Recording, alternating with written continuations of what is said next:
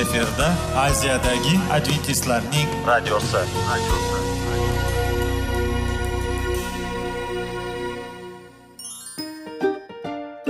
Assalomu alaykum aziz radio tinglovchilar. Sog'liq daqiqasi rubrikasiga xush kelibsiz. Zero tananing sog'lom bo'lishi va uning kasalliklardan saqlash har bir insonning burchi hisoblanadi. Inson uchun bebaho boylik bu sog'liq salomatlikdir. Uni asrash esa har birimizga omonat qilib berilgan. Shuning uchun ham inson o'z sog'lig'ini ehtiyot qilishi voajib amallardan hisoblanadi. Dono xalqimiz sog'liq tuman boylik deb bejiz aytmagan. Aql idroq sohibi bo'lgan inson o'z hayotini qadrlashi lozim bo'ladi. Hozirgi kunda qanchalik dori darmonlar ko'paymasin tibbiy muassa sifati shifokorlar vasiyasi tibbiy texnika yaxshilanmasin. Agar insonning o'z salomatligi haqida qayg'urmasa kutilgan natijaga erishib bo'lmaydi va biz sizlarga bizning dasturimizga xush kelibsiz deymiz.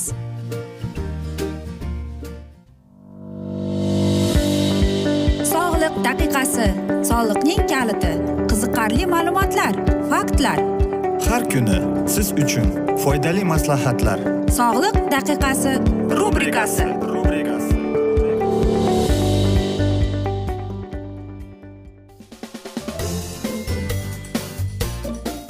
assalomu alaykum aziz radio tinglovchilar. Dasturimizga xush kelibsiz va biz sizlar bilan besh daqiqa sog'liq uchun deb atalgan dasturimizda xushvaqt bo'ling deb aytamiz. Va dasturlarimizni boshlashdan avval sizlarga aytmoqchi edimki agar dasturimiz davomida sizlarni savollar paydo bo'layotgan bo'lsa unda whatsapp orqali bizga murojaat etsangiz bo'ladi. Bizning whatsapp raqamimiz plyus bir uch yuz bir yetti yuz oltmish oltmish yetmish aziz do'stlar. Va biz dasturimizni boshlaymiz. Bugungi dasturimizning mavzusi bolalarga alkogol qanday ta'sir qiladi deb nomlanadi. Bilasizmi agar homilador ayol alkogolni iste'mol qilsa qanday undagi bola tug'iladi qanday farzand tug'iladi? Bilasizmi bunday bolalar bor shunday ichkilikning orqasidan qanday bolalar tug'ilgani haqida hammamiz bilamiz. Lekin siz mana shunday farzandlarni ko'rganmidingiz? Yo'q aziz do'stlar. Agar ko'rmagan bo'lsangiz unda asabingiz e, bo'shroq bo'lsa ko'rmaganingiz yaxshidir. Chunki ko'pchilik ayollarimiz homilador paytida aroqni iste'mol qilishib afsuski qornidagi bolasini o'ylamaydida keyin bu bola qandaydir bir anomaliyalar bilan tug'ilgandan keyin undan voz kechishni eng oson yo'li deb o'ylaydi. Lekin aynan mana shunday ayollarga qarab o'ylanaman. Qanday?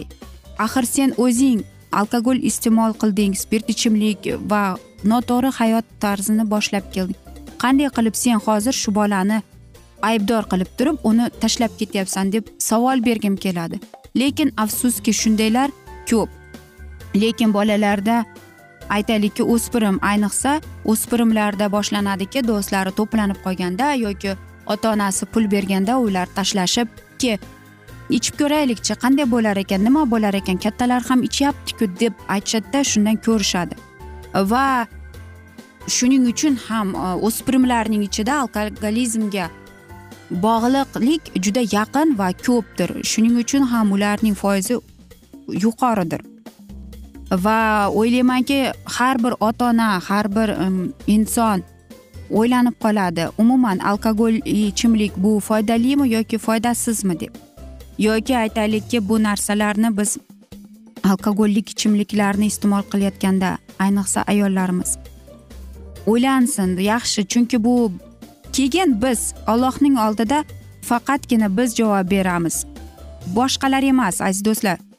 Shuning uchun ham alkogolning e, mana shunday nima desam ekan ta'sirini bolalar shunday tug'ilganda qanday qilib qanday desam ekan ta'sir qiladi deb o'ylamaydi. Yengil yelpi o'ylashib ichaveradi. Lekin bu to'g'ri aziz do'stlar bu hayot. Balkim siz aytasizki yo'q bunday emas deb. Lekin bu bor bu narsa.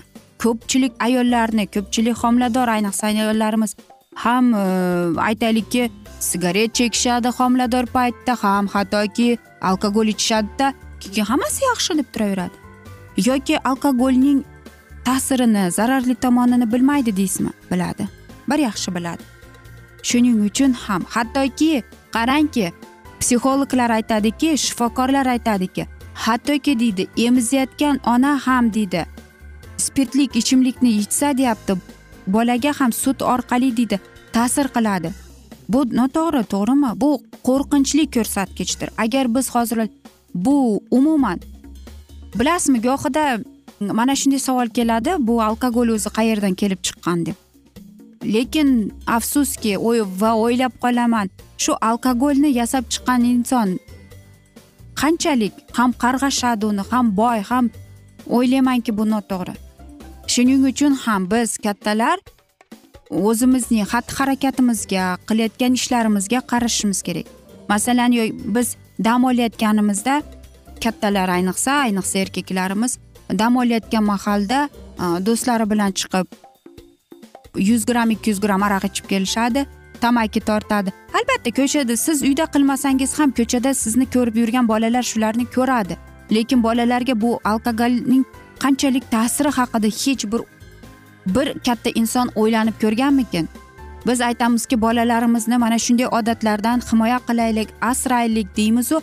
Lekin o'zimiz bilib bilmasdan mana shunday odatlarni ko'rsatib berayotganimizni payqamaymiz. Yoki hozir mana yigirma birinchi asr internetda xohlagan kinosini ko'radi. U yerda yo'q deysizmi? Bor albatta bor. O'sha spirtli ichimlik o'sha sigaret chekishlar. Lekin alloh taolo bilasizmi nima deydi? Muqaddas kitobda shu so'zlar yozilgan.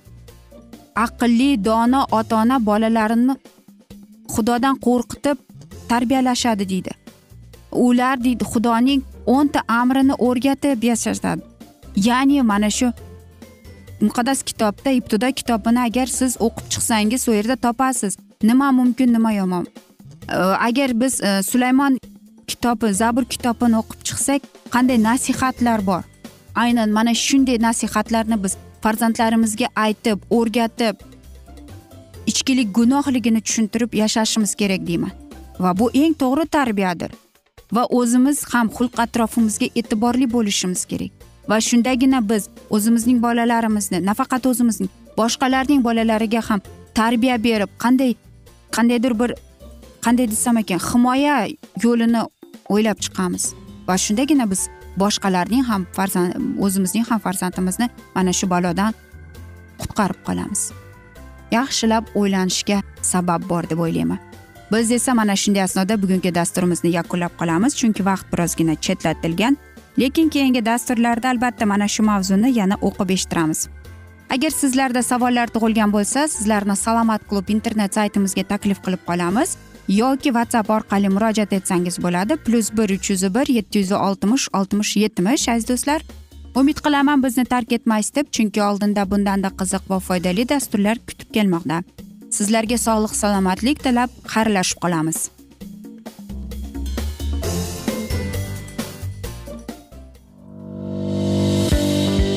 Sog'liq daqiqasi soliqning kaliti qiziqarli ma'lumotlar faktlar.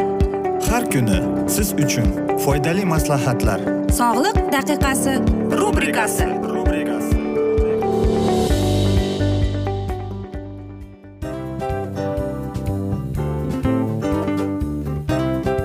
mana ha hayotda hamma narsaning yaxshi narsalar tugaydi va yakunlaydi degandek bizning dasturimizga ham yakun keldi. O'ylaymanki bizning dasturimiz sizga foydali bo'ldi deb aziz radio tinglovchimiz. Va siz o'zingiz uchun kerakli xulosalar kerakli maslahatlar olib oldingiz. Aziz radio tinglovchimiz biz bilan qoling va keyingi dasturlarimiz albatta undanda qiziqroq bo'ladi. Mana shu alfozda sizlar bilan xayrlashib qolaman.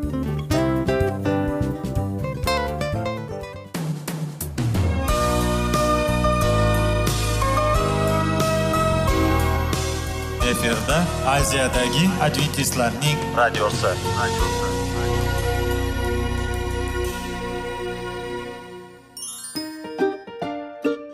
Assalomu alaykum aziz radio tinglovchilarimiz. Dil izhori dasturimizga xush kelibsiz. Pul insonni baxtli qiladimi? Albatta yo'q. Sog'liqchi. Albatta bo'lishi mumkindir. Lekin olimlar shuni isbotlashdiki to'liq va mukammal munosabatlar insonlarni baxtli qilar ekan. Albatta biz hayot davomida biz yaqin insonlar bilan odamlar bilan aloqada bo'lamiz va ular bilan munosabatlarimiz qanday kechadi qanday tuziladi?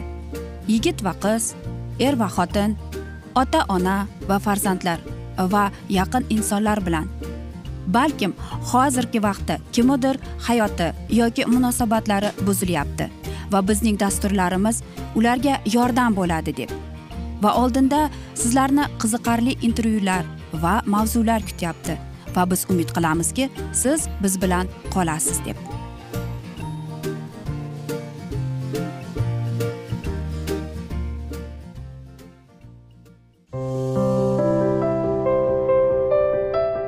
Har kuni har xil kasbdagi odamlar bilan sirlashish va bo'lishish sevgi rashq munosabat.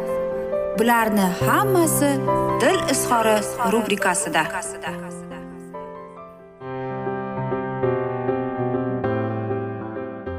Assalomu alaykum aziz radio tinglovchilar. Dasturimizga xush kelibsiz va biz sizlar bilan ajoyib sevgi deb nomlangan dasturimizda xushvaqt bo'ling deymiz. Va bugungi dasturimizning mavzusi bu uchrashuvlar bu uchinchi qismidir. Va biz sizlar bilan bir hikoyani aytib berayotgan edik.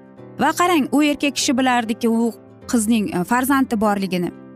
Va albatta u qiz va bu yigit turmush qurishgan. Hattoki deydi bir asal oyida ham deydi bu narsalarni deydi qandaydir muzlab qoldi munosabatlarimiz deydi. Va birinchi nikoh kechasida u so'rabdi sen nimani his qilasan agar sen darrov homilador bo'lib qolsang deb. Desa u qiz aytibdi hech qanday muammo yo'q. Men e, bolani olib tashlayman. Menda beshta shunday bo'lgan debdi. Va mana shuning oqibatidan juda katta muammolar boshlanibdi va yana bir fakt bor bularning orasida deydi. Uning qirq besh ming dollar qarzigacha bor ekan. To'ydan keyin deydi uch oy o'tgandan keyin bir kun uyga qaytib kelsa u shunday qog'ozchada yozilgan qog'ozni topdi. U yerda ayoli yozibdi. U e, o'zining turmush o'rtog'iga qaytganini. Va albatta bu erkak kishi qirq yil uylanmasdan aynan mana shunday qarorni to'g'ri qildim deb o'ylaganda lekin uni mana shunday kelayotgan his tuyg'u bilan ko'r bo'lib qolganini va qanday qilib uni kaltaklab urib yurgan insonga qaytib ketishini u hattoki tushunmagan. Va aynan mana shu ajrashuv e, aytadiki meni sindirib qo'ydi men hattoki ishga ham borgim kelmay qolgan deydi. Va oxir oqibat ham e, qarangki bu yaxshi emas to'g'rimi? E, bu aytaylikki yolg'on bir yaqinlik bo'lib qolgan va eng asosiysi bu kishi yolg'onga ishonib yashab umidvor bo'lib kelgan. E, lekin yaxshisi eng yaxshisi shu bo'lganki uning do'stlari yonida bo'lgan. Albatta ajrashuvdan keyin biz mana shunday e, yo'qotish yo'qolib qolgan hissini biz his qilganimizda qanday qilib sog'lom munosabatlarni yana davom ettirsak ekan deb o'ylanib qolamiz. Har bir insonning o'zining hayotiy tajribasi ajoyibdir to'g'rimi? Nega deymizmi? Chunki aytaylikki siz yo'qotdingiz sizga yaqin sizga judayam qarindosh bo'lib qolgan narsani.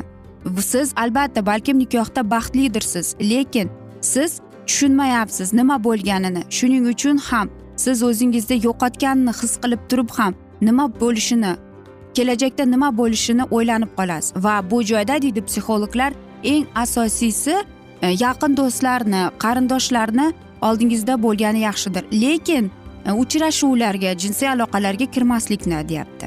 Shuning uchun ham aynan do'stlaringiz aynan qarindosh urug'laringiz sizga mana shu ajralishning yo'qotishning e, mana shunday hislardan qutulishga yordam beradi va sizga dalda beradi yoki aytaylikki siz ajrashuv tarafasida turibsiz e, lekin e, siz turmush o'rtog'ingiz bilan yashamaysiz lekin boshqa uchrashuvlarga borasiz. Nega bunday uchrashuvlarga bormaslikni taklif qilamiz deymizmi? Chunki mana shu siz ajrashish mana shu etapi tugamaguncha siz haligador uylangansiz yoki eringiz bor deymiz. Ikkinchisi albatta shunday ham umid bo'ladiki siz balkim yarashib ketasiz turmush o'rtog'ingiz bilan. Bir erkak bir ayol bir juftlik ular ayro yashab yurgan ekan bir necha oydan beri. Ular sudyaning qarorini kutishiga deydi. Va erkak yigit bir qizni uchratib qolibdi va albatta u u bilan qiziqib uni sevmagan lekin.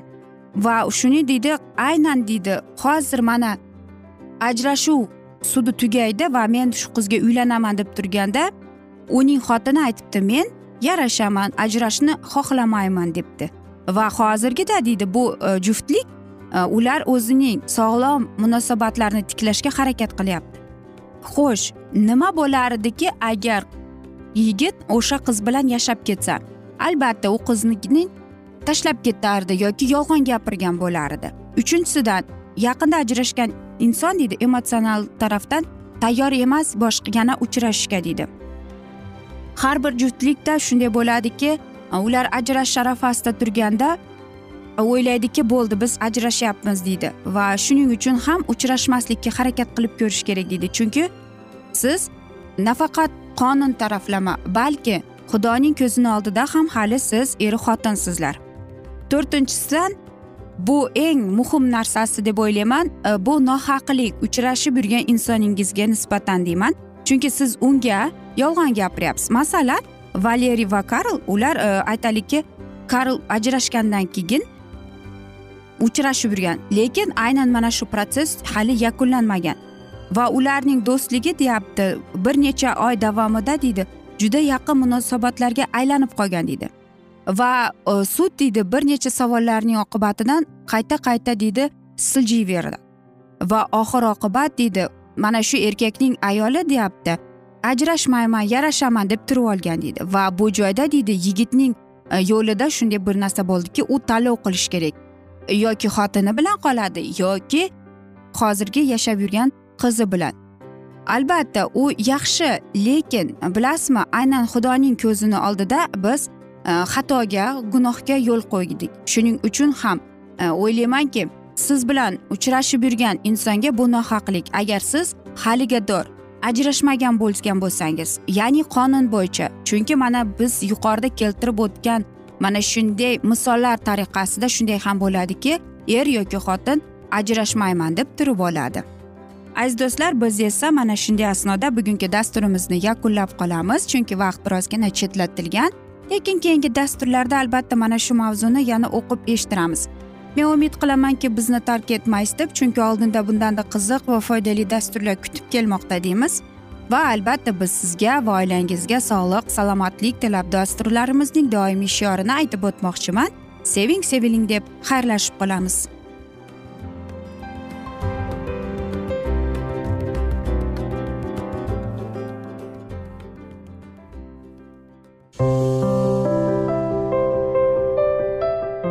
Har kuni har xil kasbdagi odamlar bilan sirlashish va bo'lishish sevgi rashq munosabat bularni hammasi dil izhori rubrikasida. Mana aziz radio tinglovchimiz bizning go'zal va foydali va chiroyli dasturimiz yakunlanib bormoqda. Sizlarga birozgina maslahat berib o'tmoqchi edik.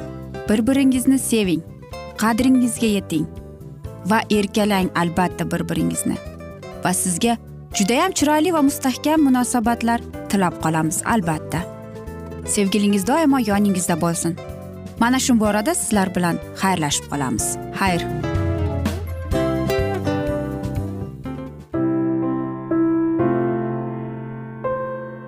Hayotning noni.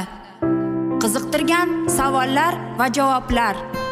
Buning hammasi ko'ngil uchun oziqa rubrikasida.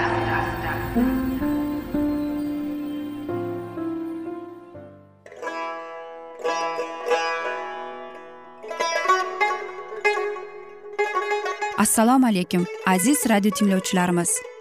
Ko'ngil uchun oziqa rubrikasida xush kelibsiz deymiz. Siz haqiqatni izlayapsizmi? Olamnimi? Umidnimi? Siz kimga murojaat qilmoqchisiz? Odamlar ko'pincha siyosat kuchiga tayanadilar. Dunyo iqtisodiyoti holati tobora chuqurlashib bormoqda. Tabiiy ofatlar va texnogen halokatlar minglab insonlarning hayotini olib ketib juda katta zarar yetkazmoqda. Sizga abadiy hayot inomini hadya qiluvchi va hayotingizni tubdan o'zgartiruvchi haqiqatni izlab toping. Xudo haqidagi haqiqat uning kalomida mujassamlashgan. Kimki bu haqiqatni butun qalbi bilan izlasa albatta unga yetishadi. Bu sevgi xudoning tarixidir. Hayotingizda yoki sizning yon atrofingizdagi olamda nimalar yuz berishidan qat'iy nazar? Siz ertagi kunga buyuk umid va ishonch hosil qilishingiz mumkin. Hozirda xudo sizga taklif qilayotgan umid ishonchga o'z qalbingizni oching va sizni qiziqtirayotgan mavzularni savollaringizga javoblaringizni topib olasiz deb umid qilamiz. Biz bilan qoling.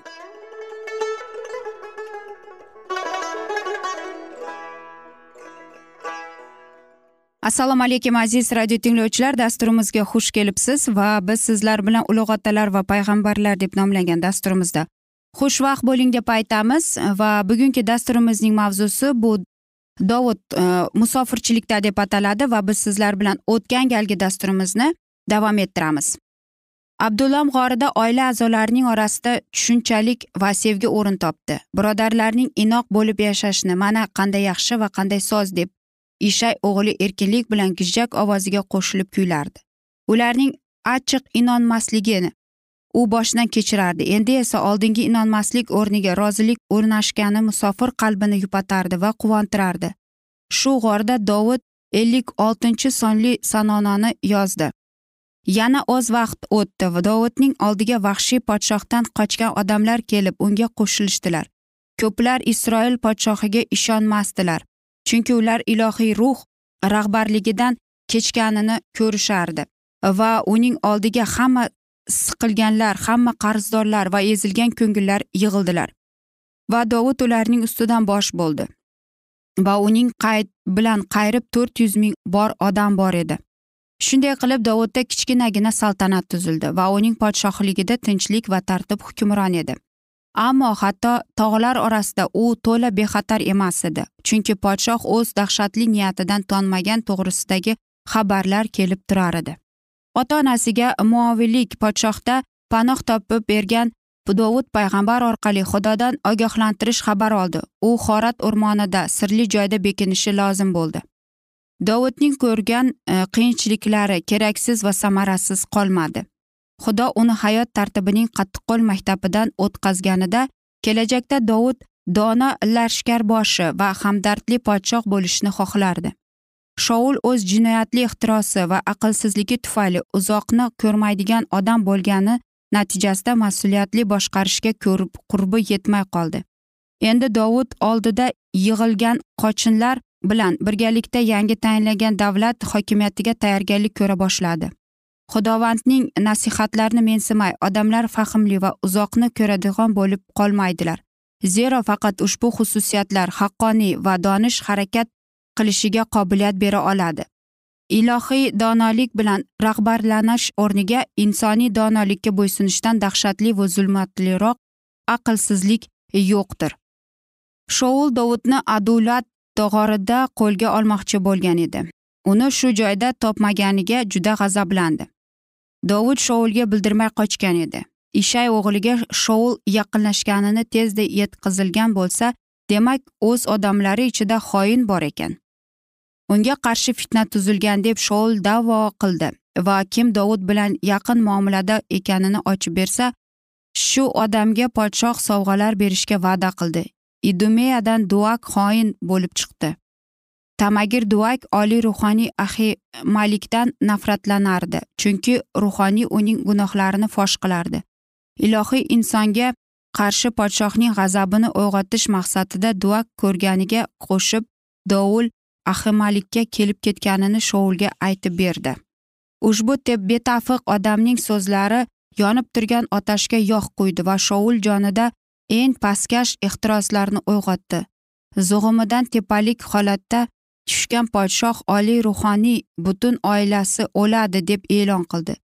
Dahshatli hukm amalga oshirildi. Ahimalik va otasining oilasidan zig'ir ipdan efod kiyimlaridan sakson besh er podshoh farmoni bo'yicha duak quli bo'lib o'ldirdilar. Ruhoniylar yashagan nub shahrini ham qilich ostiga yo'liqtirdi. Er va xotinlarni qilich bilan mag'lub qildi.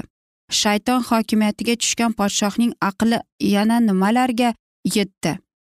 Xudo omaliyliklar qonunsizlik qosasi to'ldi deganida va ularni butunlay qirib tashlashga shoulga buyurganida podshoh hukm chiqarish uchun o'zini juda hamdardli sanab xudodan ijozat so'ramay shayton rahbarligida u ilohiy payg'ambarlarni o'ldirishga va nub shahrining hamma aholisini qirib tashlashga kuchi yetardi.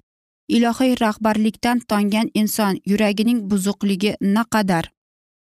Ushbu insonsizlik butun isroilni dahshatga keltirdi. Ular o'zlari tanlagan podshoh jinoyat qildi. Xudodan qo'rqmaydigan xalqlarning odati tufayli harakat qildi. Muqaddas sandiq ularda edi ammo uning oldida xizmat o'tkazayotgan ruhoniylar o'ldirildi. Savollariga nasihat beradigan xudoning sodiq xizmatkorlari halok bo'ldi. Endigina nima kutsa bo'lardi? Albatta aziz do'stlar qarangki mana shunday insonlar podshohlar ham bo'lgan. O'zining podshohligidan e, mahrum bo'laman deb lekin xudoning aytgani bo'lganini u hali ham tushunib yetmagan shoul.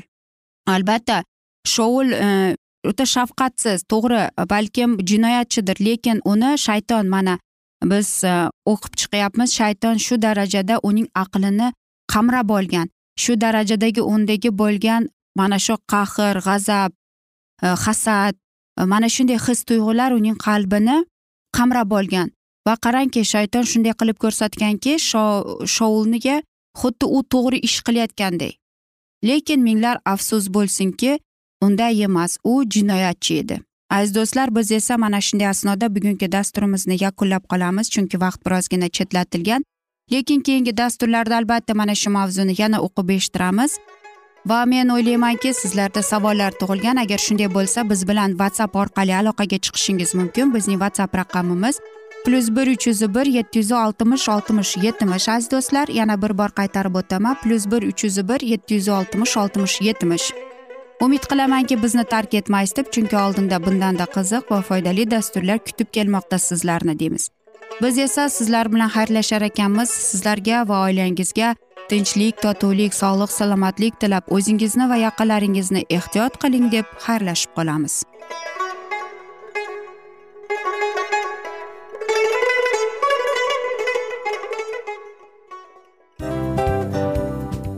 Aziz radio tinglovchimiz hamma yaxshi narsaning yakuni bo'ladi degandek bizning ham dasturlarimiz yakunlanib qolmoqda. Aziz do'stlar o'ylaymanki bizning dasturlarimiz sizlar uchun judayam foydali bo'ldi deb bizning dasturlarimizdan siz o'zingizga foydali va judayam kerakli maslahatlar oldingiz deb. Masalan sog'liq borasida. Biz sizlarga sog'liq tilaymiz albatta lekin bizning maslahatlarimizga ham amal qilishga unutmang. Munosabatlarga kelganda bu munosabatlar chuqur va yaxshi bo'lishi uchun uni ustidan ishlash kerak albatta. Diniy masalaga kelsak aziz do'stlar bu judayam jiddiy va chuqur nazarni talab qiladi. Ammo biz sizlar bilan xayrlashib qolmaymiz keyingi dasturlarda eshittirishimizni davom ettiramiz va sizlar bilan mana shu yaxshi kayfiyatda xayrlashib qolamiz. Va keyingi dasturlarda ko'rishguncha xayr!